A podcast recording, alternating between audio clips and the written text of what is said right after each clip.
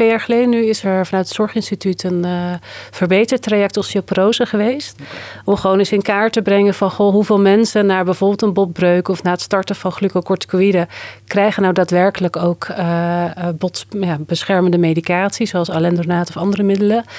Um, en dan zie je dus heel duidelijk dat uh, eigenlijk over de hele linie iedereen het slecht doet. Je luistert naar Pil in de Praktijk, de podcast van tijdschrift Pil.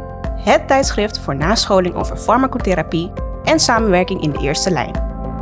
De presentatie is in handen van Daan van der Stap, huisarts in Vijfhuizen, en Nancy Overmars Zonneveld, apotheker in Assen-Delft. Hartelijk welkom bij Pil in de Praktijk. Mijn naam is Daan en ik presenteer deze podcast vandaag natuurlijk weer samen met Nancy. Hi uh, Daan. Hallo. Hoi hoi. Hoe is het? Goed, ja. Om maar gelijk met de deur in huis te vallen. Mijn stem is een beetje zwoel, dus ik ben wel goed. Maar was het iets minder de afgelopen dagen. Uh, maar nee, nu ik hier zit, uh, prima. Maar je was minder qua stem of je was gewoon hondsberoerd? Mm, nee, ik was gewoon heel erg snot. Een grote snot. snot. Alleen maar snot. Het is winter. Ja. Dat hoort. Ja. ja. Ik heb net een oogontsteking achter de rug. Zoals je net al noemde. Dus, uh... het lijkt wel zo'n verjaardag met uh, ooms en tantes. ja, precies. Ja, um, maar je bent wel op vakantie geweest. Ik ben wel lekker op vakantie geweest. Heel ik had goed. op de piste een lekker ontstoken oog. En uh, dus ik hoorde iedereen, al mijn vrienden op de piste. Je moet echt naar een dokter. Ja.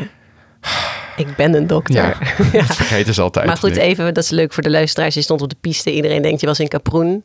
Je was in Canada. Ja, te ja, gek. Ja, Dus ik heb ook een beetje een jetlag. Dus als je me af en toe deze podcast uh, hoort gapen, dan, uh, dan weet je waarom. Is je vergeven. Ja. Maar goed, we zitten hier inderdaad voor de podcast. Wat gaan we doen vandaag? We gaan het vandaag hebben over de medicamenteuze behandeling van uh, osteoporose. Klinkt op zich dat je denkt, maar weet ik dat dan niet al? Mm -hmm. um, Gewoon de bisfosfonaat, toch? Ja. Zijn we dat, klaar? Ja, vijf jaar controle en we zijn klaar. Nou, dat valt dus tegen. Ja. Uh, tenminste, ik uh, las het artikel. Um, en toen dacht ik, oh, dat zijn toch wel weer een hoop nieuwe dingen... die waarschijnlijk dan binnenkort, neem ik aan... ook in de nieuwe NAG-standaard kunnen, zullen gaan komen. -hmm. um, en wij hebben ook gelukkig de auteur van dit uh, mooie overzichtsartikel... vandaag bij ons aan tafel zitten als gast en expert.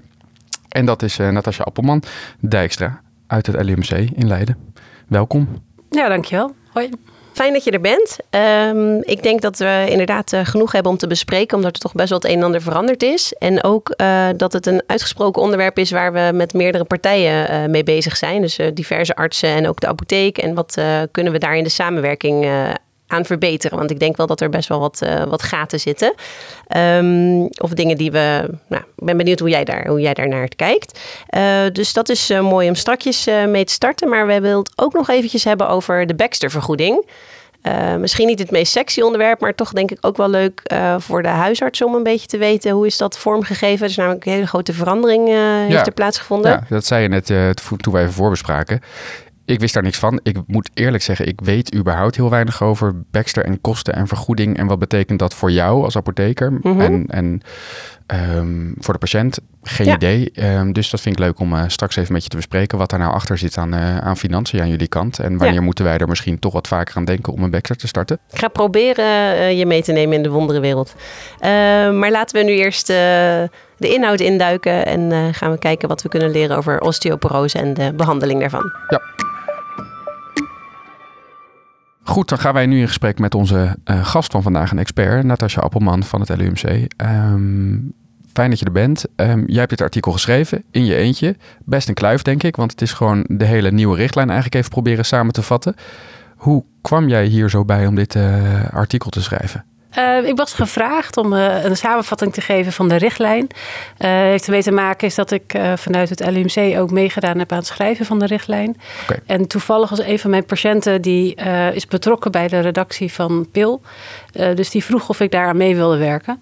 Uh, dus ik dacht, nee, dat is leuk uh, om te doen. En toen werd het inderdaad het verzoek om een wat grotere uh, samenvatting te maken, inclusief toetsvragen. Ja. Dus dat was wel heel leuk en nuttig om te doen. Maar het is inderdaad een, een vrij aardige samenvatting geworden van het grootste gedeelte van de medicatieuitleg in de richtlijn. Ja, want er is dus een nieuwe richtlijn hè? en dat, dat vat jij samen. Die richtlijn is bij ons huisartsen nog niet doorgedrongen, denk ik, omdat um, de nieuwe NAG-standaard er nog niet is. Maar ik, ik denk dan dat die zal er binnenkort komen. Want uh, voor de luisteraar, misschien ook voor de apothekers. Um, er is een NAG-standaard natuurlijk fractuurpreventie. Maar die stamt alweer uit 2012. Dus die is best oud.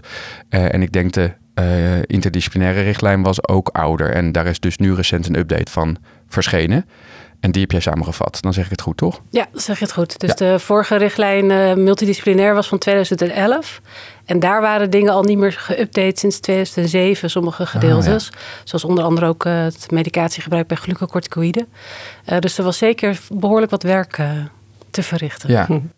En eh, want eh, Daan eh, die, die tipt de NAG-standaard al even aan. Heb jij enig idee of, dat, eh, of ze daar druk mee bezig zijn? Worden jullie daarbij betrokken? Of, eh, Ja, dus een van eh, in ieder geval de huisartsen die eh, vanuit de richtlijn hebben meegeschreven. Want we hebben drie huisartsen vanuit de NAG eh, meegeschreven aan eh, de multidisciplinaire richtlijn. Omdat we echt wel het streven hadden, juist omdat er zoveel mensen samenwerken bij osteoporose, om ook de multidisciplinaire richtlijn zo goed mogelijk bij elkaar eh, te laten aansluiten. Ja. Ehm, dus die schrijven sowieso mee. En dan daarnaast nog eh, een van de internisten eh, van de richtlijn, die eh, Joop van den Berg, die schrijft ook mee. Ja. En als het goed is, zou dit eerste kwartaal eh, dit jaar uitkomen. oh, dan hebben ze bijna. nog heel even. Nog heel even. De klok loopt. Ja. Ja. Maar goed, wel alle reden toe, want er is wel duidelijk een hele hoop veranderd. Ja, en de, eh, deze richtlijn is natuurlijk van vorig jaar. Mhm. Dus daarna is het proces gestart om de NAG-richtlijn te herzien. Ja. En er is zeker een hele hoop veranderd, want de, ja, de vorige richtlijn was van 2011 Ja. en voor de NAG 2012. Dus daar, ja, sommige middelen zoals bijvoorbeeld denosumab, maar zeker ook romosozumab, eh, ja, die waren toen nog helemaal niet eh, Nee. uitgebreid beschikbaar. Nee, en ik maakte in de intro een beetje een grapje van ja, alendroninezuur, een bisfosfonaat en dan zijn we klaar.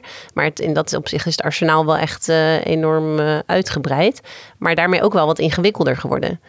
Ehm, in die zin, er zijn eh, in de richtlijn staan hele mooie beslisbomen. Maar ja, het feit dat er beslisbomen nodig zijn, dat geeft al wel aan dat het niet zo vanzelfsprekend is dat je uit je hoofd weet welke patiënt in aanmerking komt voor welke behandeling en wanneer je dat gaat evalueren. En als je daarmee stopt, wat je dan vervolgens weer doet. Dus er zit best wel wat. eh, Ja, er zit wel wat variatie in, maar ik denk dat eh, het makkelijkste, zeg maar, om het een beetje aan op te hangen, is dat op het moment dat iemand wervelfracturen heeft, ja of nee, daar zit een hele belangrijke eh, beslisboom, zeg maar. Mhm. Als iemand wervelbreuken heeft, dan afhankelijk van hoe laag de botdichtheid is, komt iemand nu in de nieuwe richtlijn al sneller in aanmerking voor botvormende medicatie. ja. Dus dat is teriparatide of romosozumab. Ehm, en als iemand dat niet heeft, ja, dan is het nog steeds eerste reflex bisfosfonaat is nog Ja. steeds prima. Ja, ja, precies. Ja. Ja. Maar dan, dat zijn dus ook eh, injectables, hè? of dat, dat moet geïnjecteerd worden. Eh, dus, maar er zijn dus echt wel duidelijke aanwijzingen. De risicoreductie is echt aanzienlijk eh, groter bij het gebruik van die middelen. Om dan dus toch te kiezen om mensen niet één keer in de week een tablet te laten slikken, maar elke dag te inject- laten injecteren. Gelukkig niet elke dag. Ja, behalve voor teriparatide, dat is wel dagelijks. Maar vooral eh romosozumab, wat nu sinds nou, twee, tweeënhalf jaar eh, verkrijgbaar is in Nederland. Ehm, dat is één keer per maand een injectie. En dat voor twaalf maanden. Dus waar we eigenlijk eh, voorheen heel erg verwend waren met de bisfosfonaten. Ja. En je start een tabletje één keer per week of infuus één keer per jaar. Ja. Dan vervolgens geef je dat een aantal jaren en dan kan je het stoppen en hoef je een tijd niks te doen. Ja, dat is nu wel eh, verlaten. We gaan nu steeds meer naar combinatietherapieën. Mhm. Het kan zijn dat je of inderdaad met botvormende medicatie start voor één jaar of voor twee jaar. Ja. Eh, dan eventueel nog nabehandeld met twee jaar met een bisfosfonaat. Mhm. Eh, soms kan het ook zijn dat mensen nog naar denosumab overgaan. Nou, dat moeten we ook opvolgen, weten we tegenwoordig. Dus je krijgt wat meer combinatietherapieën. Ja. Ehm, waarbij we dus ook wat, wat langer door kunnen behandelen. Ja. eh, en ook makkelijker kunnen wisselen. eh, en dat ook een beetje op de patiënt kunnen aanpassen. Want dat is ook wel nieuw in de richtlijn. Hè? Dat het niet meer iedere vijf jaar controle is, maar dat je ook zegt we, dat wisselen is wel gebruikelijker in de nieuwe richtlijn. Ook weer met nieuwe facturen. Dat je eigenlijk ehm, vroeger met als er iemand weer zijn heup brak, terwijl die al alendroninezuur gebruikte, dacht je ja god, iemand zit al eraan en dan gaan we lekker door. En we doen dan binnenkort wel, over twee jaar was het weer tijd voor de DEXA. Dat is ook allemaal wel veranderd. Of als er een nieuwe werffractuur komt, dat je weer even achter de oren moet krabben. Wat voor soort fractuur is het? En bij werffracturen natuurlijk ook welke graad is het dan weer? Dat je dus eigenlijk weer opnieuw moet gaan kijken. Dat maakt de, de nieuwe richtlijn ook wel nieuw voor ons als huisartsen, denk ik. Ja, weet je, sommige dingen stonden al in de vorige richtlijn al wel eh ja, soort van verdekt opgesteld. Ja, Bijvoorbeeld zoals die VFA die nu heel eh, expliciet eh, terugkomt, de Virtual Fracture Assessment. Ja. ja, dat is dan op de DEXA-scan kan je dan eh, in dezelfde setting eh, de scanner eh, draaien, zodat je de patiënt kan gewoon blijven liggen en dan kan je dus eh, beeldvorming van de wervelkolom maken. ja. is heel patiëntvriendelijk, want de patiënt hoeft dus niet dan van de tafel af en naar een andere locatie voor een wervelklompfoto. Nee. Plus het is makkelijk, want het wordt niet vergeten. Um, en het is een hele lage dosis röntgenstraling. En wat je daarmee doet, is dat je eigenlijk dus die wervelfracturen die nu zo belangrijk zijn in die beslisboom uh, uh, in kaart brengt. Ja, dat stond bijvoorbeeld ook al in de stond vorige... Stond wel een standaard hè, in de beslisboom. ja. ja. maar desondanks zeg maar, is het aantal DEXA's wat we met VFA wat werd aangevraagd, was heel erg laag. Ja. Hetzelfde was het ook dat therapie wisselen bij nieuwe fracturen. Stond ook ergens al verdekt opgesteld in de vorige richtlijn. Maar ook dat ja, is op de een of andere manier nooit helemaal doorgedrongen nee. bij iedereen.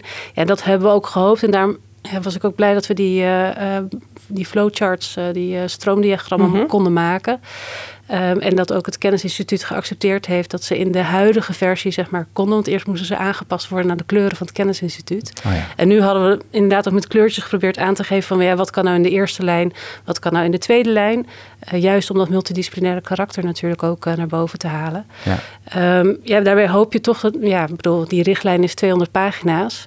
Dus ik weet ook heel goed dat mensen dat niet helemaal gaan lezen. Dus dan kunnen ze altijd het overzichtsartikel natuurlijk lezen. Ja. En anders, ja, weet je, iedereen gaat toch wel makkelijk naar dat soort plaatjes kijken. Dus we hebben geprobeerd om daar zoveel mogelijk in samen te vatten. Ja. Zodat het een soort logisch stappenplan uh, wordt. Ja. Maar het zal nog steeds wennen zijn als je er niet dagelijks mee bezig bent. Tuurlijk. Nee, daarom denk ik ook zo belangrijk om, om jouw artikel te lezen. Of nou er zullen ook collega's zijn die, zeggen, die denken, de wat conservatievere collega's, um, die denken ik wacht even op de nieuwe ANG-standaard. Die denken dan ga ik het toepassen. Uh, maar goed, voor de nieuwsgierige collega's die nu al denken, ja, nou, dat, dat, duurt, dat duurt nog misschien een maand. Kwartaal, ja, het gaat hard. Of je, ik weet niet hoe de NAG, hoe punctueel die gaan zijn met het eerste kwartaal. Maar, uh, ja. en, uh, maar je geeft zelf al aan van, goh, waar houdt de eerste lijn op? Wanneer wordt de tweede lijn? Welke situaties, ja, wat voor patiënten komen er bij jou? Um, ja, dus wat we nu ook uh, geprobeerd hebben en ook afgestemd hebben met uh, in ieder geval ook de huisarts die bij de richtlijn uh, aanwezig waren, is dat natuurlijk, je hebt nou ja, gewoon de patiënten die komen of met een zorgvraag voor osteoporose of dat er medicatie worden gestart. Ja, die kunnen natuurlijk in de eerste lijn en de tweede lijn komen.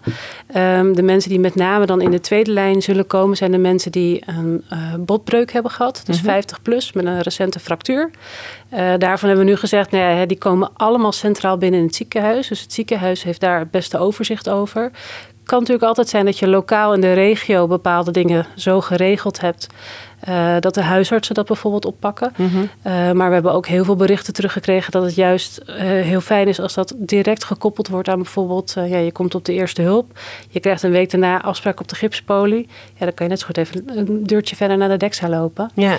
dus die patiënten daar met osteoporose, die worden dan via de poli bij ons, via de fractuurpolie dan gezien en gestart met medicatie. Ja, want dat gaf jij ook al aan, Daan, dat, het, dat jij soms in een brief terugkrijgt van de spoedeisende hulparts van hé, uh, er is al wel gelijk actie op ondernomen en de ander doet dat niet. Dus dat lijkt nog een beetje arbitrair of net iemand daar zijn focus op heeft. Of, of, ja, uh... ja. ja, dat is um, zeker. Ik vind dat vaak als huisarts denk ik, oh ja, maar dan, ik, ik, bij fractuur gaat er altijd bij mij wel, bij mijn oudere patiënten als ik brieven verwerk, een lampje branden dat ik even kijk. Maar ja, soms wordt post ook weer verwerkt door de assistentes en dan, het is gewoon echt best wel lastig, omdat er gewoon niet eenduidige afspraken uh, zijn. Mm -hmm. um, dus daar kunnen we het misschien zo ook in het tweede stuk nog wel even goed over hebben. Um, hoe gaan we dit opvangen? Of ja, hoe we nou uh, kunnen voorkomen dat er mensen tussendoor glippen. En dat gaat misschien over twee dingen, kunnen we het dan zo even hebben. Um, tussendoor glippen qua medicatietrouw. Dan kijk ik jou even aan, Nancy. Ja. Ik denk, wat, wat voor rol kunnen jullie daarin spelen? Ja, zeker. In de apotheek. En, uh, maar ook dus wel inderdaad van wie doet wat in eerste, tweede, derde lijn um, bij recente nou, trauma's zeker. en fracturen. Nou ja, dus in, in het, het opstartgedeelte, maar dus vervolgens ook weer heel erg in die monitoring. En wanneer Ja. is het tijd om weer te switchen en wordt er dan een goede nabehandeling gegeven? Hè? Want dat is gewoon heel duidelijk naar voren gekomen dat het gewoon uh, dat rebound effect na die bot aanmakende medicatie, daarna dat dat echt wel significant is. Ja, bij de denosumab uh, inderdaad. Alleen bij de denosumab, ja, Bij de ja. denosumab zie je rebound. Ja. Uh, en met rebound bedoelen we dat je dan eigenlijk ziet dat binnen uh, een jaar alles wat je opgebouwd hebt weer naar beneden gaat. Ja. waarbij dus ook de botactiviteit hoger wordt dan voorheen. dus je ziet dan ook echt, sommige mensen kunnen bijvoorbeeld ook een wat hoger calcium hebben. Oh ja. je ziet hele duidelijke hoge bot, botafbreekwaarden dan. en het grootste probleem met die rebound is, is dat dat hele snelle botverlies, dat eh, speelt zich met name af in het bot van de ruggenwervels. Mhm. En daardoor is er een hoger risico op het ontwikkelen van eh, wervelbreuken. Ja. En dat kan dus ook al in de eerste drie maanden na het overslaan van een, eh, van een injectie de noosmap, kan dat dus al optreden. Oh, natuurlijk. Dus niet alleen na het daadwerkelijk stoppen, maar het kan natuurlijk ook om welke reden dan ook zo zijn dat je een injectie Ja, mist. En dan is, Ja. gebeurt dat natuurlijk ook. Ja. Ja. En dan bij die botvormende medicatie zie je wel dat de botdichtheid weer langzaam achteruit gaat. Maar Mhm. dan heb je niet een rebound. Dus dat Nee. achteruit gaat, gaat dan niet gepaard met extra risico op wervelbreuken. Maar ja, dan heb je eigenlijk wel, eh, nou, in het geval van teriparatide bijvoorbeeld, twee jaar voor niks eh, gespoten. Ja, nee, ja, Dat is ook zonde van de moeite. Zeker. Nou, en wat ik me toch altijd wel afvraag is... eh, er is nu wel wat meer duidelijk over eh, de iets langere termijn. Hè, van als je hiermee stopt, wat dan? Maar ja, ik denk ook als je eh 60 bent en je, het is allemaal niet heel eh, gecompliceerd, maar je krijgt eh, om welke reden dan ook toch een bisfosfonaat voor vijf jaar. En dan op een gegeven moment dan, is de evaluatie, nou laten we ermee stoppen. Het is allemaal eh, redelijk oké. En dan twee jaar later, dan ga je dat toch nog maar weer eens checken. En dan, oh ja, laten we toch maar weer beginnen. Of weet je, en waar eindigt? Weet je, dan denk ik altijd, en hoe dan? Wanneer stopt dat? Of is dat duidelijk? Of is dat een beetje Ja, vingerspitsengevoel? Nou ja, op zich niet. Dat is wel wel grappig. Want osteoporose zijn denk ik altijd heel erg verwend vanwege het feit dat die bisfosfonaten, ja, die kan je starten, die worden ingebouwd in het bot. En dat werkt nog even door als je stopt met eh, medicatie. Terwijl met geen een, enkel ander medicijn Nee. is dat zo. Dus nooit dat iemand denkt, nou, ik heb nu zo lang mijn losartan gebruikt voor mijn hypertensie. Ik ga het nu gewoon even stoppen en dan Ja. gaan we wel zien wat er gebeurt. Ehm, dus dat heb je wel met, eh, met de osteoporose. Eh, dat is aan de ene kant een voordeel, hè, want daardoor kunnen mensen ook even tijdelijk gewoon even niet, niet eraan denken. Eh, maar je kan dus heel goed op en af eh, door blijven behandelen. Ja. Dus wat je ziet, hè, de reden waarom men gezegd heeft... ja, je moet op een gegeven moment zo'n eh, ja, zo'n drug holiday, zo'n vakantie inbouwen... is vanwege toch het wat groter wordende risico op atypische femurfracturen. Dus dan de hele zeldzame stressbreukjes van de bovenbenen die ontstaan, spontaan kunnen ontstaan.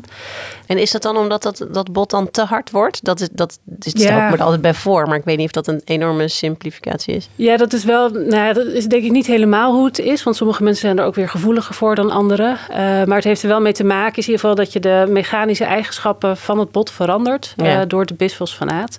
Eh, en dan komt precies op het punt bij het bovenbeen, waar dan de, de krachten vanuit de heup en de, ja, de verticale krachten vanuit de zwaartekracht bij elkaar komen. Daar is het, ja, het stressgevoeligst voor een breukje. Ja. Daar krijg je dan zo'n breukje. Ehm, is heel best zeldzaam, eh, maar is wel een van de redenen waar onder andere die therapiepauzes zijn ingelast. Ja.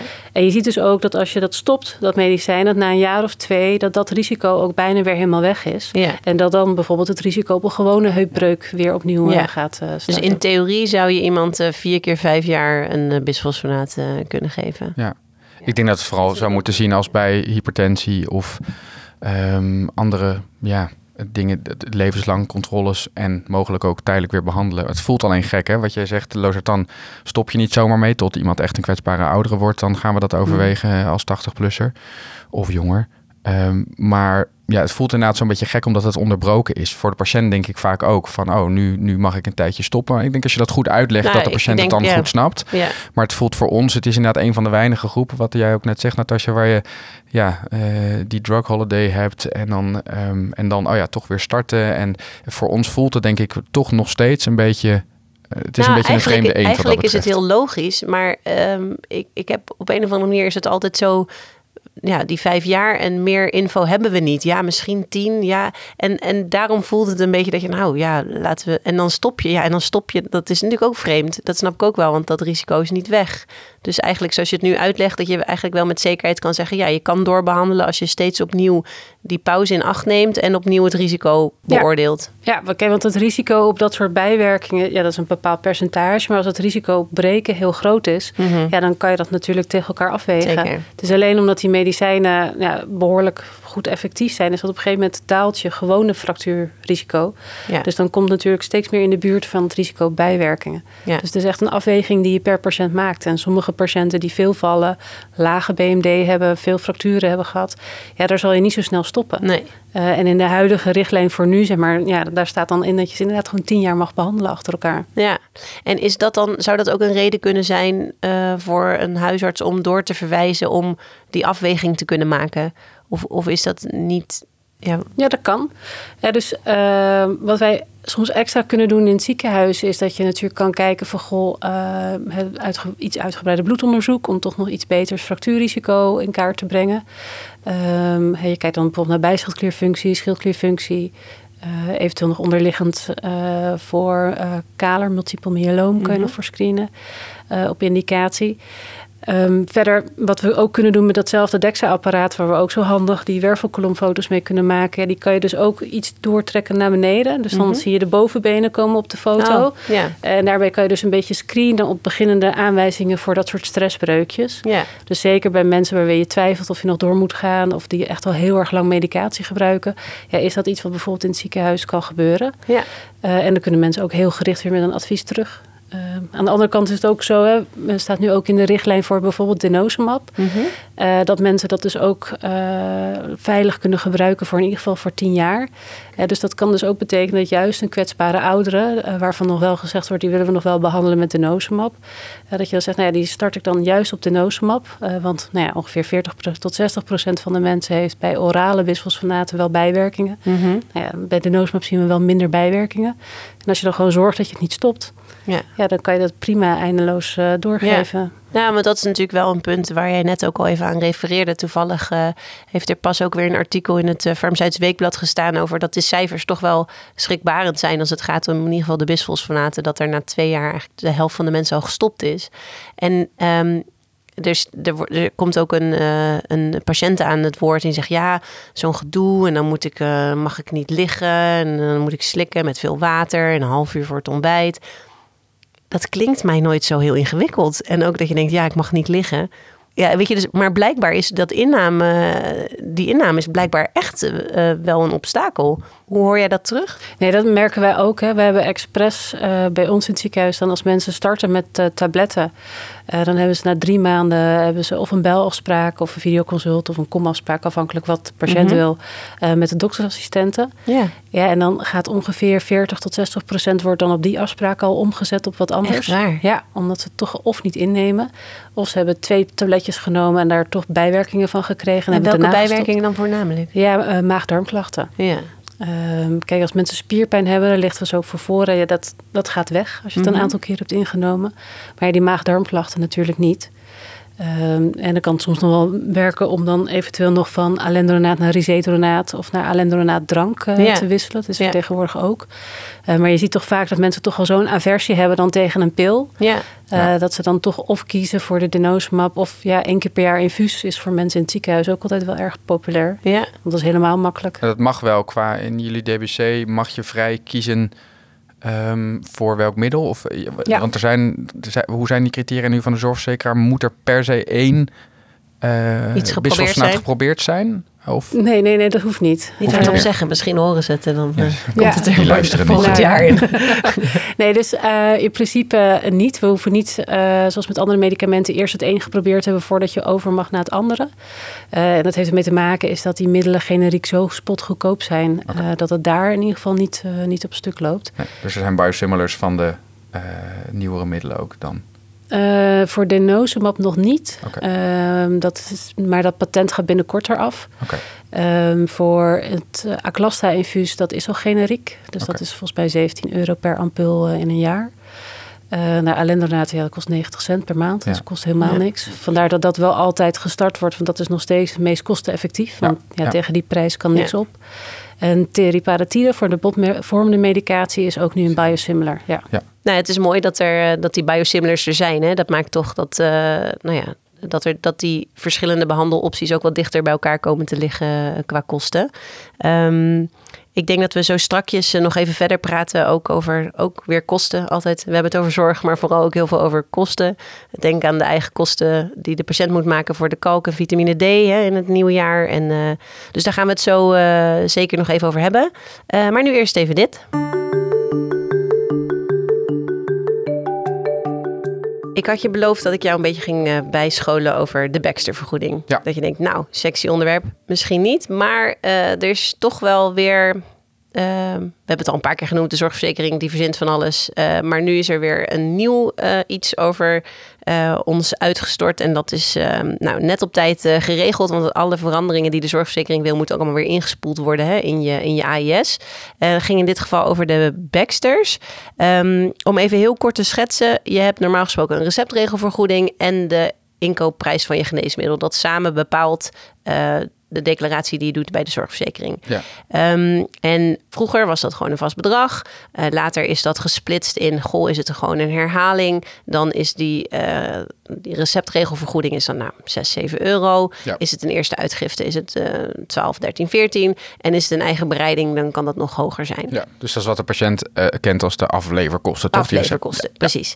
Um, en, maar in de Baxter is het zo dat we natuurlijk niet voor iedere aflevering dan die 7 euro declareren. Omdat je daar relatief veel minder werk aan hebt. Ik bedoel, je hebt heel veel werk aan Baxters als er mutaties zijn, maar zolang het loopt, loopt het. En dan is het natuurlijk, dan zou dat niet helemaal. Minder administratieve kosten eigenlijk uiteindelijk. Precies. Dus uh, nu hebben ze dat om. Was dat zo dat dat dan ongeveer, nou ik zeg maar wat, een 3 euro per receptregel was?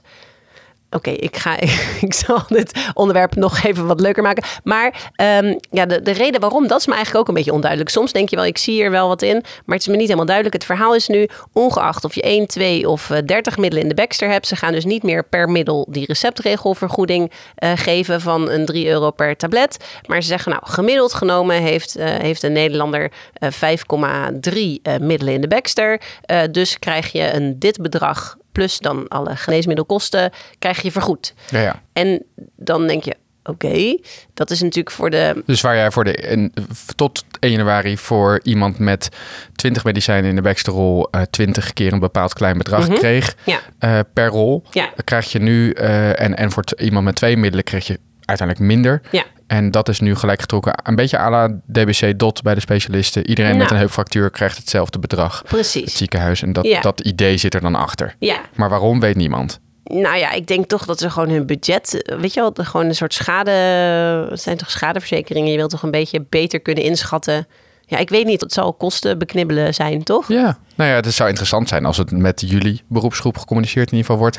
Ja. Wat erachter zit, hè, waarom de financiën zo Ja. zitten zoals ze of zitten. ik heb dat gewoon zelf niet goed genoeg begrepen. Dat maar kan natuurlijk ook. Dat kan zeker zo zijn. Ehm, maar wat je dus ziet is dat, dat wij in de apotheek best wel hebben afgehouden om mensen met 1, 2, 3 middelen in de Baxter te doen. Omdat het nog steeds altijd duurder is dan dat je gewoon één keer in de drie maanden je pillen bij ons komt halen. Ja. Ehm, maar ja, nu maak je het voor de apotheek wel weer zo dat je denkt, ja, nu hebben wij alleen maar grootgebruikers erin zitten. Nu snijden we onszelf in de vingers. Ja, ja. Dus, Dus dan dan wordt het gaan- in één keer aantrekkelijker dat ik als huisarts een berichtje naar jou stuur van deze oudere, of niet eens oudere, maar iemand met, met drie medic- medicamenten Ja. toch maar een Baxter starten. Want, Ja, want het is in één keer niet meer zo onaantrekkelijk voor jullie om iemand met een paar medicijnen maar in een Baxter te zetten. Nou ja, en we hebben dus echt wel steeds ons best gedaan om, om eh, gewoon ook uit, uit maatschappelijk oogpunt, om niet iedereen maar op de Baxter te zetten die kosten te verhogen. Maar door dit soort prikkels ga je dan toch weer denken, hé, hey, moeten we dit dan, hebben wij onszelf weer in de vingers gesneden? Moeten we Ah, dan ja. nu, ga je weer een tegengestelde beweging? En dan gaan ze later weer iets verzinnen. En weet je, dus ik snap gewoon niet zo goed wat het grotere doel daarachter is. En het is allemaal zo gecompliceerd. Je moet dus ook nog bedenken dat het ook consequenties heeft voor iemand die bijvoorbeeld een vitamine D, paracetamol en een niet vergoede benzo in zijn rol heeft. Stel dat dat het enige is wat je, wat je gebruikt. Ja. Dan ons systeem kan dan alleen maar die declaratie van dat vaste bedrag genereren. Ja. Dus dan moet iemand ineens 35 euro betalen voor die dingen. Hè, Ja, precies. Dat klopt Ja. ook niet. Ja. Of andersom, als je er iets in hebt zitten wat niet vergoed wordt, ja, dan kan je alleen nog maar de materiaalkosten bij iemand in rekening brengen. Dus dan krijgt iemand voor 30 cent per maand zijn benzo in een rol. Ja, precies. Dus Ja.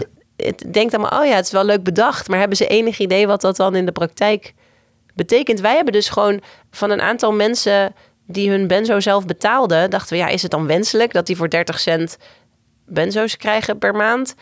Misschien moeten we dan toch om die gebruiksdrempel een beetje te verlagen, moeten ze dat dan uit de Baxter halen? Oh, ja. Maar ja, moet je dat dan weer willen? Wil je iemand die een Baxter heeft, waarschijnlijk met goede reden, dan zijn benzo's weer losgeven? Ja, het is gewoon weer chaos. Het is, Ja. en, en eh, we lossen het wel weer op en er komt wel weer iets. Maar ik dacht, ja. Het lijkt me vooral lastig om het op te lossen als je niet helemaal de gedachte erachter snapt. Van, want er zullen beleidsmakers met ook een beetje verstand, hoop je dan, van Ja, ik denk dat het een soort opstapje is naar het volgende, waarvan we nog niet weten wat het is. Weet een je een beetje paranoïde. Een klein beetje. Ja. Ja. We hebben het natuurlijk eh, vorige podcast gehad over ehm, dat we verzuipen. Dit, nou ja, goed. Ik, ik, snap dat, ik snap dat gevoel er wel bij. Ja, nou ja, en, en eh, ook omdat het, je snapt bezuinigingsmaatregelen en dat we, je moet ons een beetje stimuleren om efficiënt te werken. Dat Tuurlijk. snap ik helemaal goed. Maar je voelt voor deze dus niet helemaal wat we nou aan het bezuinigen maar- zijn. en waar zijn we met z'n allen? En wat ik ook nog als, als eh, dan moeten dus al die AIS'en, eh, de, de ontwikkelaars daarvan, die waren net bezig met iets superhandigs in efficiëntie en zorginhoudelijks voor ons te ontwikkelen, wat we namelijk heel graag wilden. Ik zeg maar wat een herhaalservice update. Maar ja, die hebben weer drie maanden tijd, omdat er een of andere debiele, sorry, minder duidelijke maatregel eh, vanuit de zorgverzekeraars wordt inge- opgelegd. Waar dat is, moeten ze dat weer ontwikkelen en dan ligt hun ontwikkeling weer stil. ja, nou dus ja. die softwareontwikkelaars moeten ook... Ja, het is gewoon een hoop gedoe om, om niks. Ja, en ik weet eigenlijk niet per se wat ik nu van jullie als huisarts vraag. Ik vraag heus niet ineens iedereen met één en twee middelen in de Baxter te zetten. Want dat is uiteindelijk nog steeds, denk ik, niet een goed idee. Nee. Maar Je zegt in ieder geval voorlopig gelijk de uitwerking hiervan... dat voor ons de drempel ja, minder hoog lijkt te zijn... maar dat moet zich misschien nog, nog wat uitkristalliseren. En, en, en de KNP moet misschien nog met een standpunt komen... Na nou ja, die hebben er natuurlijk wel iets van gevonden, maar het was al besloten. Ja, ja. Ja, zoals dat meestal gaat. Nou We gaan het zien. Maar ik blijf dan graag op de hoogte. Ik zal het ook hier even aan mijn lokale apotheker nog eens vragen... of eh, ja. langzaam dit jaar dan de mening dan verandert... over hoe wij moeten handelen. Maar eh, ja, nou ja, goed. Ik dacht, ik eh, neem jullie even mee in de wonderenwereld van de Baxter-vergoeding. nou, leuk. Toch? Nee, ik denk voor ons zeker goed om een keer als, als huisarts er gewoon een keer mee te krijgen. Want ik moet heel eerlijk bekennen, geen idee... Nee. had überhaupt geen idee hoe dit achter de schermen ging. Ook niet hoe het dan voorheen ging. Nee. Ehm, dus eh nou, heb je wat dus. geleerd. Nou ben ik weer een beetje op de hoogte. Nou, gaan we nu weer gauw terug naar Natasja. Goed, dan gaan wij terug naar het onderwerp osteoporose. Mhm. Ehm, we zitten nog steeds aan tafel met Natasja Appelman, ehm, internist en endocrinoloog van het LUMC. Ehm, wij zouden het in een tweede stuk vooral met je willen hebben over hoe kunnen wij goed samenwerken tussen eerste, tweede en derde lijn in- op het gebied van medicamenteuze behandeling. Maar misschien ook de screening even aanstippen, toch? Oh ja. Al gaat het artikel natuurlijk vooral over de medicamenteuze behandeling. En ook over de kosten. Dat noemde Nancy net al, van eh, vitamine D en eh, calcium voor Ja. de patiënt zelf. Laten we beginnen eens met die kosten. Want we hadden het net natuurlijk ook al even over de kosten van eh, de medicamenteus beschikbare middelen. Ehm, toen hadden we het over bisfosfonaten en de biosimilars en de denosumab. Heb je het idee Calcium dat en mensen... vitamine D Ja.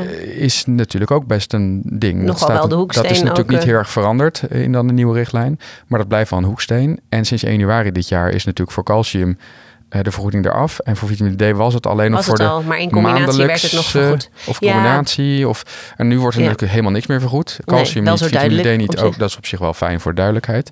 Ehm, ik kijk eerst naar jou, naar jou Nancy. Maar Ja. wat, wat merken jullie ervan in de apotheek sinds 1 januari? Nou, je merkt dat wij als apothekers altijd heel erg dan eh, willen gaan zorgen dat ja, op een of andere manier gaan we dan alle problemen oplossen. En dan gaan we heel erg op zoek naar het goedkoopste middel. En zeggen we, nou, iedereen moet weer terug naar dagelijkse vitamine D in plaats van maandelijks. Eh, even los van de calciumtabletten. Want als je die gecombineerd gebruikt, is dat gewoon toch het goedkoopste als je die ook als een combinatietablet gebruikt. Maar dan gaan we weer eh, iedereen weer vertellen dat ze dagelijks moeten gaan slikken, want dat is goedkoper. En dan ben ik toch altijd weer een beetje verbaasd over dat mensen dan zeggen: ja, maar ik betaal liever een paar euro meer en dan doe ik gewoon lekker één keer in de maand. Denk oh ja, mensen hebben ook een mening. Hè? Dus dat, daar gaan wij soms in onze regeldrift dan een beetje aan voorbij. Ehm, je merkt wel dat er ook wel sommige mensen zeggen: nou ja, dan regel ik het wel via de, via de drogist. Weet je, uiteindelijk ook allemaal prima. Alleen. ehm, ja, de zorg zit toch een beetje in van... goh, gaan mensen toch niet afhaken? Het ofwel vergeten als het niet standaard meegeleverd wordt... in hun drie maandelijkse medicatie. Of ja, ja, is het nog wel zo noodzakelijk? En, en ehm, Als het net in de aanbieding bij het kruidvat is, laten mensen dan toch even staan een paar maanden in de hoop dat er weer een aanbieding. Misschien een beetje stom ja, voorbeeld, maar Nou ja, dat, je hebt er gewoon geen zicht op je natuurlijk. hebt er geen zicht op. En eh, ja, het is toch maar een vitamine. Ja, is het dan heel... Weet je, hoe belangrijk is het als je het er gewoon bijgeleverd kreeg... bij de rest van je medicijnen? Dat stel ik me dan een beetje voor. Eh, er zijn wel wat vragen geweest van... ja, moet ik hier dan wel mee doorgaan of niet? En we hebben in ieder geval de mensen in de Baxter... hebben we bevraagd van... goh, eh, dit en dit gaat er gebeuren. Weet dat er kosten aan verbonden gaan zijn... aan de kalk en vitamine D. En dit is hoe, wat we u gaan leveren. Ehm, ja, laat ons weten als u daar niet mee eens bent. Nou, dat viel me eigenlijk mee hoeveel mensen dan zeggen van nou laat maar, ik denk dat ik het ergens anders goedkoper kan krijgen. Of, of nou ja, ik ga nog maar eens bekijken of ik het nog nodig heb. Maar ja, het is vooral wat je zegt. Dan, je kan die vitamine D op zich redelijk goedkoop. Uh, voor 300 stuks betaal je 9 euro. Dat is allemaal niet zo heel. Uh, dat zijn de kosten niet. Maar het past dan precies weer niet in onze herhaalservice. Dus dan loopt het niet gelijk met de andere medicatie. Zou, ja, denken mensen er dan toch aan of niet? Het geeft dus nog best wel wat gedoe en kopzorgen als ik het zo hoor. Nou, gewoon puur praktisch gezien. En ik ben wel benieuwd hoeveel mensen er dan toch mee gaan stoppen. Uh, nu zie je wel, nu we een paar maanden in het jaar verder zijn, dat er dan toch fabrikanten zijn die uh, goedkopere preparaten op de markt brengen. Dus daar waar de receptregelvergoeding niet meer aan kleeft, omdat het niet meer receptplichtig is. En dan zie je dat je ineens van uh, eh, 30 euro voor drie maanden, ineens toch voor een tientje voor drie maanden kalk en vitamine D kan krijgen. En ik denk, nou ja, dat neemt een drempel wel weg, maar is toch ook weer 40 euro per jaar. Um, ja, en ik denk dan ook, nou, als ze het oplossen door wat extra melk te gaan drinken, dan zijn we eigenlijk heel goed bezig. um, maar dat is maar de vraag. Dus ja, ik weet niet of, of, Natasja, of jij mensen spreekt die daar dan over twijfelen of dat, die daar moeite mee hebben. Ja, dat wel. Ja, dus ik denk vooral wat wel echt opvalt is dat een aantal preparaten in kosten wel echt goedkoper zijn geworden. Dat scheelt wel heel erg. Mm -hmm. want ik denk als je vorig jaar rond deze tijd keek hoe duur kalk en vitamine D was, dan kwam je gemiddeld uit op een tientje per maand. Ja. Uh, dus dat is nu wel een stuk voordeliger.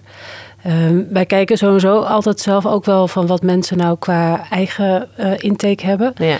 Um, want sommige mensen zitten gewoon echt heel ruimschoots in hun kalk. Uh, in ieder geval, kijk, vitamine D ja, dat kan Blijft in Nederland lastig. Ja, daarom. Dus dan moet je er gewoon wel bij uh, gebruiken. Mm -hmm. uh, dus nou ja, er zijn ook wel wat mensen die alleen de vitamine D bijvoorbeeld gebruiken. Nou ja, dat, dat zijn de kosten nog wel te overzien. Ja. Maar voor de mensen die bijvoorbeeld wel zoiets als denosumab gebruiken... Uh, waar toch het kans op hypocalcemie ook nog wel wat groter is. Zeker bij mensen met weinig intake en lage vitamine D-spiegel.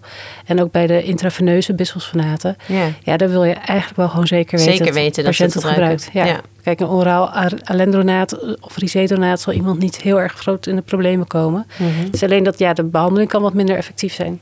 Ja, uh, omdat je wel natuurlijk kalk vitamine D nodig hebt om uh, ja. alles weer op te bouwen. Nou ja, en dat is dan weer los hiervan, maar bijvoorbeeld mensen met een bariatische ingreep, die moeten wel drie keer per dag kalk slikken. Weet je wat je dan uiteindelijk. Uh... Ja, dan moet je heel veel. Ja, maar die ja. moeten ook die uh, Fit for Me. En ja, die zijn nog veel duurder. Die zijn veel duurder, ja.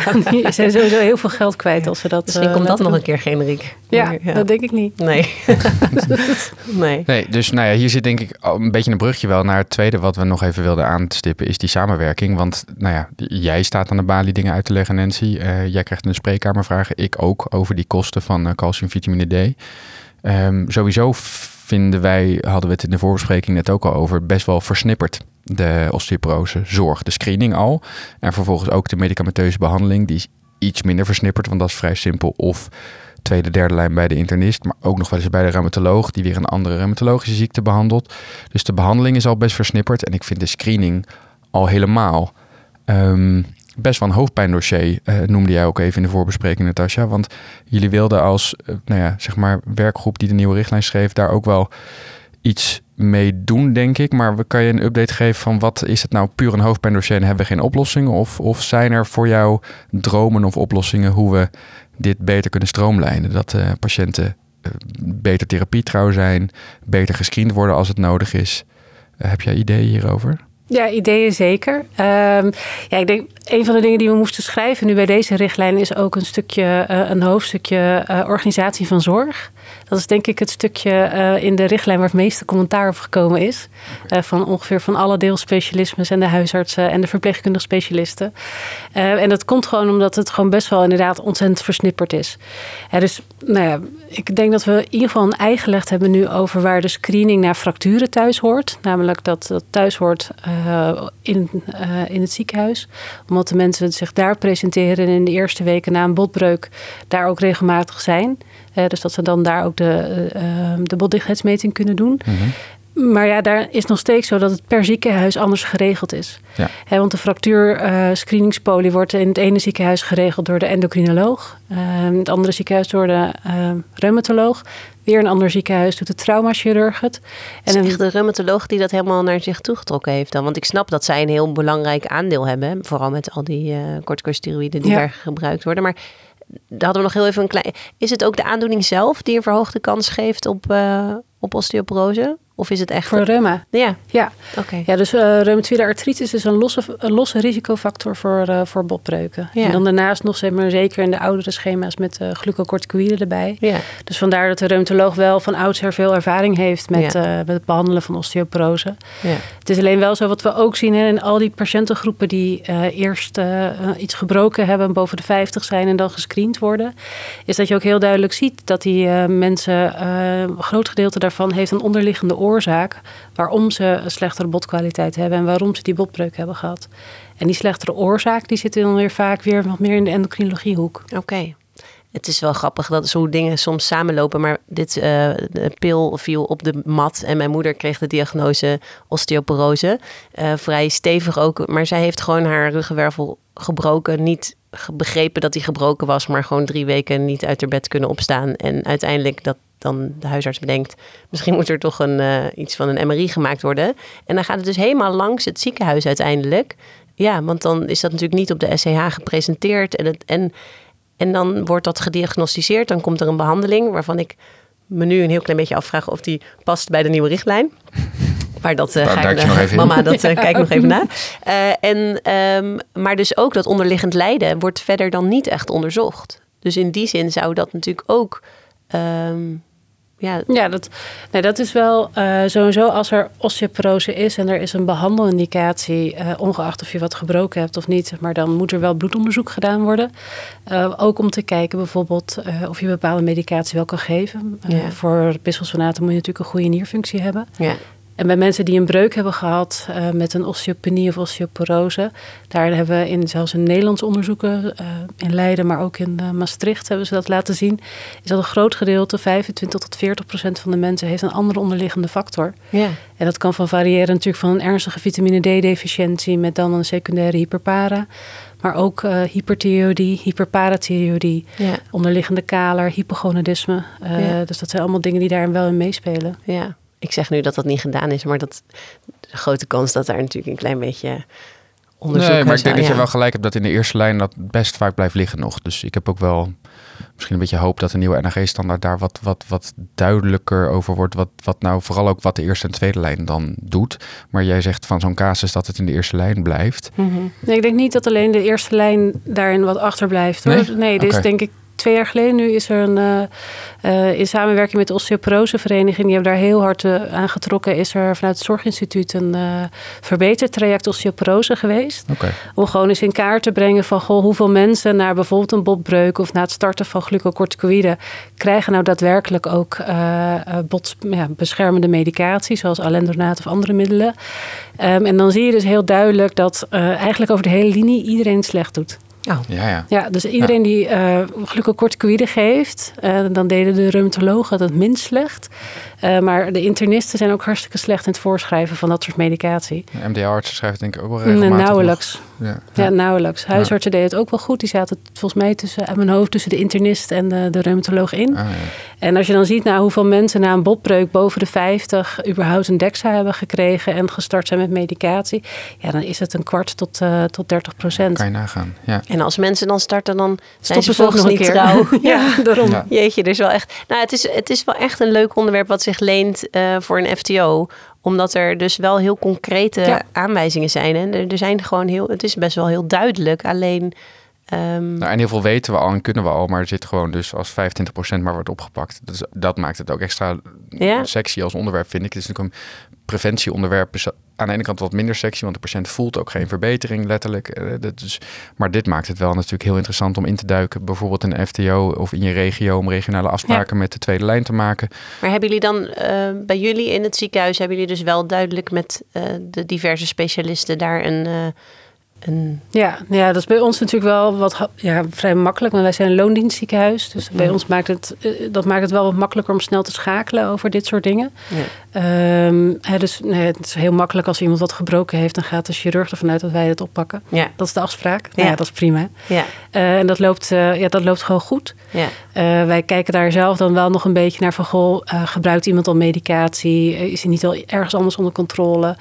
Zijn er andere redenen om hem niet uit te nodigen? Als Mhm. iemand natuurlijk voor een uh, kwaadaardigheid behandeld wordt, ja, dan heeft het misschien niet zo heel veel zin om op osteoporose te screenen. Ja. Of als ze in een verpleeghuis al wonen. Ja. Ehm, dus wij kijken daar wel heel gericht naar eh, en dat nodig ook gericht uit. Maar ja, er zijn ook nog steeds voldoende mensen die zelf ook niet willen Nee. eh, om te screenen. Dus die kunnen we dan alleen maar voorlichten. Ja. en dan houdt het op. ja. Maar zo goed, is dus- bij jullie dus, die, die screening is dus geregeld eh, bij jullie op de manier dat jullie Ja. dat oppakken. Dat weet de chirurgie en de, en de, de orthopedie, weet dat Ja. waarschijnlijk.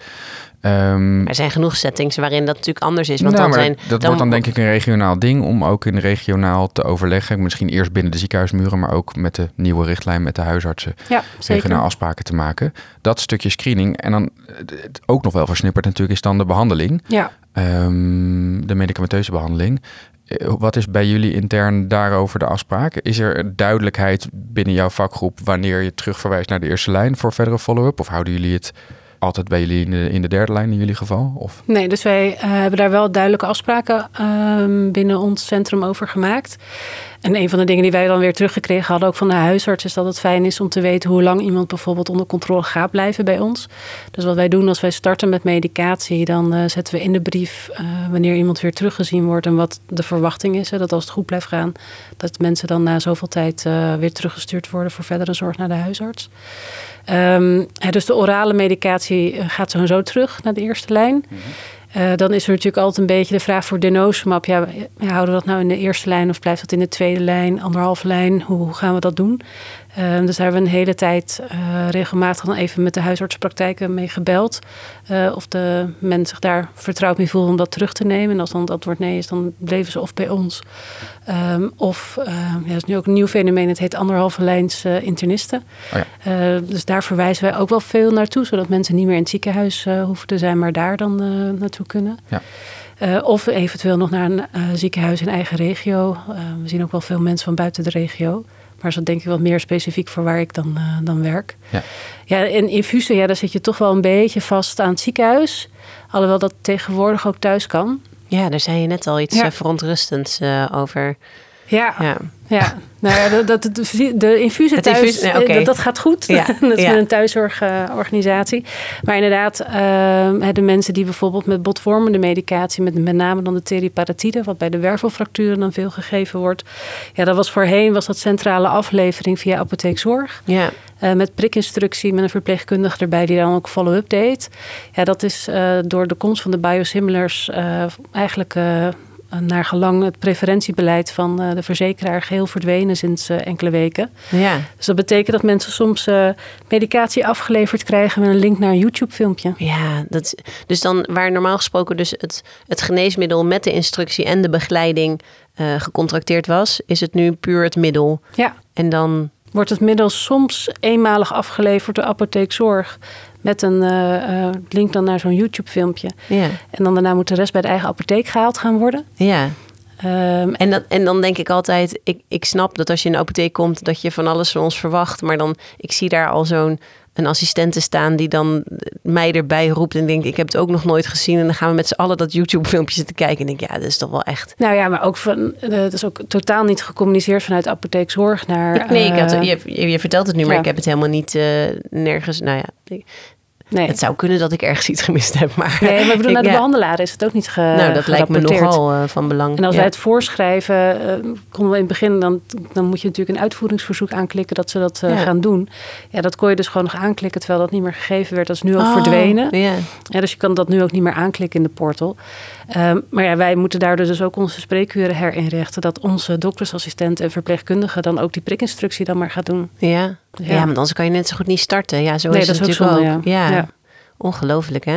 En Ja, want eh, ik bedoel, we weten het, hè? Het preferentiebeleid en alle kommer en kwel en ellende die erbij komt. Maar het wordt wel steeds Het ja, grover eigenlijk. Ik bedoel, alsof je echt niet meer... ehm, Nou, het lijkt wel of je per 1 januari ongeveer je hele agenda leeg moet maken om daar alle nieuwe voorkeuren voor preferentiegebruik, eh, voor vergoedingen, ja. eh, allemaal maar weer je, al je folders weer te updaten en te zorgen dat alles weer opnieuw eh, je patiënten natuurlijk allemaal op de hoogte te stellen.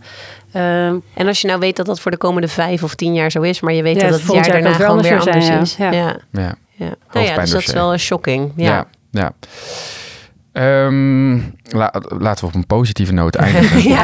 Ik word helemaal somber Nou ja, van. Nee, ja, precies. Maar er zitten dus ook wel heel veel punten. En, en dat zit wel voornamelijk in de nieuwe middelen. En hoe je daarin dus eh, hoe je daarmee om moet gaan. Hè. Dat je moet opletten na zoveel tijd gebruik. Dan moet je switchen naar, eh, eh, naar het volgende middel. En vooral dan niet dat vergeten. Omdat je dan.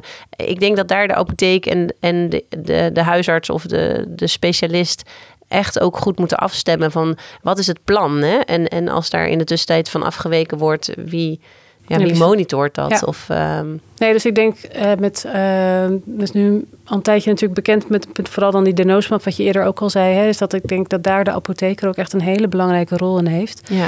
Eh, want ja, daar wordt natuurlijk de medicatie opgehaald.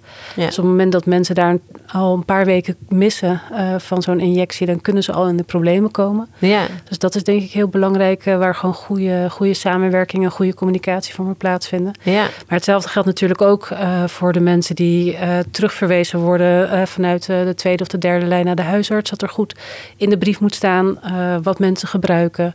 of wat eventueel overwegingen waren om bepaalde middelen te stoppen of te switchen. ja. Eh, en wat er ook moet gebeuren als er weer iets optreedt of iets dergelijks. Want dat, ja, ik bedoel, dat is ook wel handig als dat erin staat. Precies. Dus eh, duidelijke communicatie naar elkaar. En vooral ook, denk ik, ook voor de screening, de, gewoon overleggen, regionale afspraken maken wie wat doet. Ja, en ik denk ook gewoon laagdrempelig. eh, we, ehm, we doen natuurlijk heel veel met brieven.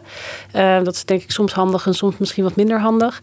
Eh, ik denk dat ook zeker veel collega's tegenwoordig ook op silo eh, zitten. Ja, Eh, dus daar kan je natuurlijk ook heel laagdrempelig makkelijk even een berichtje sturen om te vragen van goh, wat moet ik doen? ja, wordt dat zo toegepast? Ehm, Silo, ja, wordt veel toegepast. En ik gebruik het veel, maar ik meer met Ja. mijn collega's, en mijn assistenten Ja. onderling. eh, als we op andere verschillende locaties staan en vragen: wil je dat ene receptje even deze kant op doen? Maar Het is een beetje wisselend. Er zijn collega's die gebruiken Silo veel. Ik doe dat regelmatig. Eh, de andere huisarts hier in de praktijk gebruikt regelmatig via zorgtermijn het overlegknopje. Eh, maar we hebben nu ook de, de ehm, het heet niet teleconsulten, maar de meekijkconsulten. Moest even nadenken, maar dat hebben we nu hier in de regio eh, sinds 1 januari. ik denk dan gelijk dermatologie. Maar Ja, dat je had de eh, teledermatologie. Dat was dus een, een, een teleconsult. Dat je een ECG of een foto van een huidplekje naar cardioloog of dermatoloog kon doorsturen. Dat bestaat al jaren. En er bestaat ook een vergoedingsregeling voor. Maar nu is het dus best nieuw. ehm, en dat is in korte tijd heel erg uitgebreid. Dat we dus hier van Spaarne Gasthuis in de regio de eh, internist of de longarts of de, nou ja, van, van alles en nog wat. Komt elke maand weer een specialisme bij. Mhm. Ehm, dat we eigenlijk die telefoontjes die we vroeger deden om even te overleggen, ehm, nu via een geschreven berichtje kunnen doen. Eh, wat natuurlijk ook gewoon via Silo kan. Maar dan het handige als dat via deze route gaat, is dat zowel de specialist als de huisarts er vergoeding voor krijgt. Het gaat om 30 à 40 euro volgens mij voor dan beide. Nou goed, dat is toch. Ja, goed, het zijn inkomsten, want je bent natuurlijk echt met patiëntenzorg bezig. Ja. Ehm, dus daar is gelukkig vanuit de zorgverzekeraars, af en toe doen ze ook wel iets goed, eh, mag gezegd worden, is eh, over nagedacht dat dit Ja. nu bestaat. En dat, dat werkt ook best prettig, net als inderdaad bijvoorbeeld Silo, maar dan zit er nu ook een... eh, Nou ja, ik bedoel, het is natuurlijk. Ik denk dat je het als specialist heel fijn vindt als je bevraagd wordt door de eerste lijn. Maar dat het natuurlijk ook juist heel erg storend is in je dagelijkse. als je telefoon de hele tijd afgaat. Ja, je, ja en, en het is natuurlijk, maar tegelijkertijd denk ik dat je door die overleggen, je start een hele behandeling op, je hebt er plannen bij en als dat dan vervolgens niet goed overkomt, dus ik snap dat die communicatie heel belangrijk is, maar ik kan ik ben ook altijd wel heel benieuwd, en dat zal per specialisme heel verschillend zijn, of je staat te snijden of eh, hè, dat je. ehm, ja, hoe gaat dat? Hoe, hoe eh, doen jullie dat? En dan neem je gewoon tussendoor tijdens je spreker je telefoon op. Ja. En dan vraagt hij. eh, Zo gaat de het. hele dan zit tijd. jij, zit jij met mevrouw Pieters en zeg je, oh, een vraag voor mevrouw Jansen. Nou eh, ja, zo of zo. En dan, Nee, dus, eh, het is bijna niet mogelijk om dat goed te timen. Maar ja, soms is het natuurlijk net dat net een patiënt wegloopt. Ja, dan kan je makkelijk opnemen. Ehm, tegenwoordig hebben we ook in het ziekenhuis wel eens niet meer de ouderwetse piepers. Maar wel echt gewoon van die handige mobiele telefoontjes. Dus dan kan je vaak het nummer zien wat je gebeld hebt. dan swipe je even naar boven. Ik bel u zo terug. Nou ja, bijvoorbeeld. Of, je, nou ja, of je neemt dan niet op, maar dan bel je als iemand eh, weg is. Dan bel je even terug. Of je neemt al aan en je loopt even weg. Ja. En we proberen het natuurlijk ook een beetje zo te doen dat je eh, één dienstdoende hebt die Ja. daar een beetje voor vrijgespeeld wordt. Ja. Ja, dat werkt natuurlijk meestal ook gewoon niet. Maar hoeveel zijn dat? 10 telefoontjes of 30 op een Ja, dag? dat ligt eraan. Ja. Dus als het glad geweest is over osteoporose, heel veel telefoontjes. Maar in de zomer is het meestal vrij rustig. Ja. Oh, ja. Ja, wat grappig dan. Ik nooit beseft dat jij dat dan niet precies wist. Ik, natuurlijk Nee, ik weet wel dat jullie bellen, maar eh, ik denk dan, Ja, ja, als ik jullie bel, dan ben je of in de spreekuur of toevallig niet. ja. Maar dat zijn. eh, Maar dit is het eerste wat een co-assistent, namelijk als je dokter wordt, Ja. dan ben je co-assistent. Dan zit je altijd op krukjes naast, naast al die dokters. En dan Die deed het gebeld je- worden. Het allereerste wat je denkt als co-assistent bij je eerste co-schap is denk je, oh mijn god, die mensen die kunnen, en die arme patiënten, want tegen de hele tijd, pring, en dan, Ja. dan Oh, ja. is het de hele tijd, eh, de helft van de tijd soms in één consult, eh, wordt iemand vier keer gebeld. En ik Oh. vond het, dan vond ik als co-assistent heel zielig voor de patiënt, dat je denkt, arme patiënt, het hoort erbij. Maar Ja, eh, wat dat maar goed, betreft eh, verbetert niet, het eh, dus wel ook is niet met eh, osteoporose silo. of- specifiek, maar dat, dat, is toch dat- ja. Maar ik leuk denk dat, voor jou je, om dat overleg natuurlijk wel gewoon heel erg van belang is. En eh, we moeten elkaar weten te vinden. Omdat Ja. het zo versnipperd is, zullen we elkaar eh, goed moeten weten te bereiken. En eh mhm. regionaal. ja, want als je dat niet goed regelt, dan wordt het snel weer een terugverwijzing. En dat zou natuurlijk zonde zijn als je het ook gewoon in de eerste lijn met wat. Met wat eh, even adviezen erbij. eh, ja, Ja. Dan kan je echt een heel eind komen, denk Ja, ik, denk eh, ik ook. daarin. Nou, kijk ook uit naar de nieuwe NAG-standaard. Want dan, eh, Dan kan gaat ik echt denk ook, eh, nou ja, beweging. eh, ja, ik denk dat ik mijn collega's dan een beetje in beweging kan krijgen om eh, ook eh, dat te gaan toepassen. Dus ik ben benieuwd of dat eh, gaat Ja. lukken binnenkort. Maar eh, dank Natasja voor je aanwezigheid. Heel leuk om even met jou de diepte in te duiken. Over de inhoud, maar ook over de samenwerking. Vond het heel leuk. Dankjewel. Oké Nancy, nou volgens mij hebben wij weer een hoop opgestoken vandaag. En ik vind vooral altijd echt eigenlijk om te gieren dat jij echt al 25 podcast lang of 23 of hoeveel het is, dit, ik ben de tel ik al kwijt. eh, altijd weer aan mij vraagt, net voor de podcast, krijgen we hier echt weer een podcast mee gevuld. En volgens mij moeten we een beetje doorpraten, omdat we weer flink wat Ja. tijd erop hebben zitten. Ja, dus, sorry eh, luisteraars, we vragen wel veel van jullie tijd. Maar inderdaad, eh, ik vond het zo'n fijn gesprek en het ging zo vanzelf. dat je dan toch weer, nou ja, weer van alles... over een heel feitelijk artikel toch eigenlijk Ja, zeker. eh, toch eh, vooral over de samenwerking veel, eh, veel te zeggen valt. Ja, Ja. nee, dus dat was, was heel fijn dat Natasja er was. En we hopen eigenlijk dat jullie als luisteraar daar ook weer wat van hebben opgestoken. Ehm, ik denk echt wel een onderwerp waar je in de praktijk mee uit de voeten kan. Waar je nou, het eerstvolgende FTO over kan inplannen bij wijze van. Ehm, nou, zou je willen reageren op deze aflevering of wil je jouw ervaringen uit de praktijk delen? Eh, dan kan dat via podcast.pil-nascholing.nl. En wil je meer informatie over het tijdschrift Pil en het behalen van nascholingspunten met het blad, dan kun je terecht op www.pil-nascholing.nl. Ehm, nou, veel dank eh, aan Natasja. Ehm, jij weer bedankt, eh, Ja. Daan, Jij ook bedankt. voor de fijne avond. Eh, en eh, tot de volgende keer. Ja, tot de volgende weer. Gaan we er weer wat van maken. En dan eh, ga je me niet vragen, Ik ga, gaan we hiermee een podcast gevuld krijgen? Want ik, Ik denk, denk dat het weer gaat lukken. Ik denk het wel. Hartstikke Tot dan. Joe. Je luisterde naar Pil in de Praktijk, de podcast van tijdschrift Pil. Het tijdschrift voor nascholing over farmacotherapie en samenwerking in de eerste lijn. Pil verschijnt vier keer per jaar in de vorm van een papieren tijdschrift en geaccrediteerde e-learnings. Ga voor meer informatie en abonnementen naar www.pil-nascholing.nl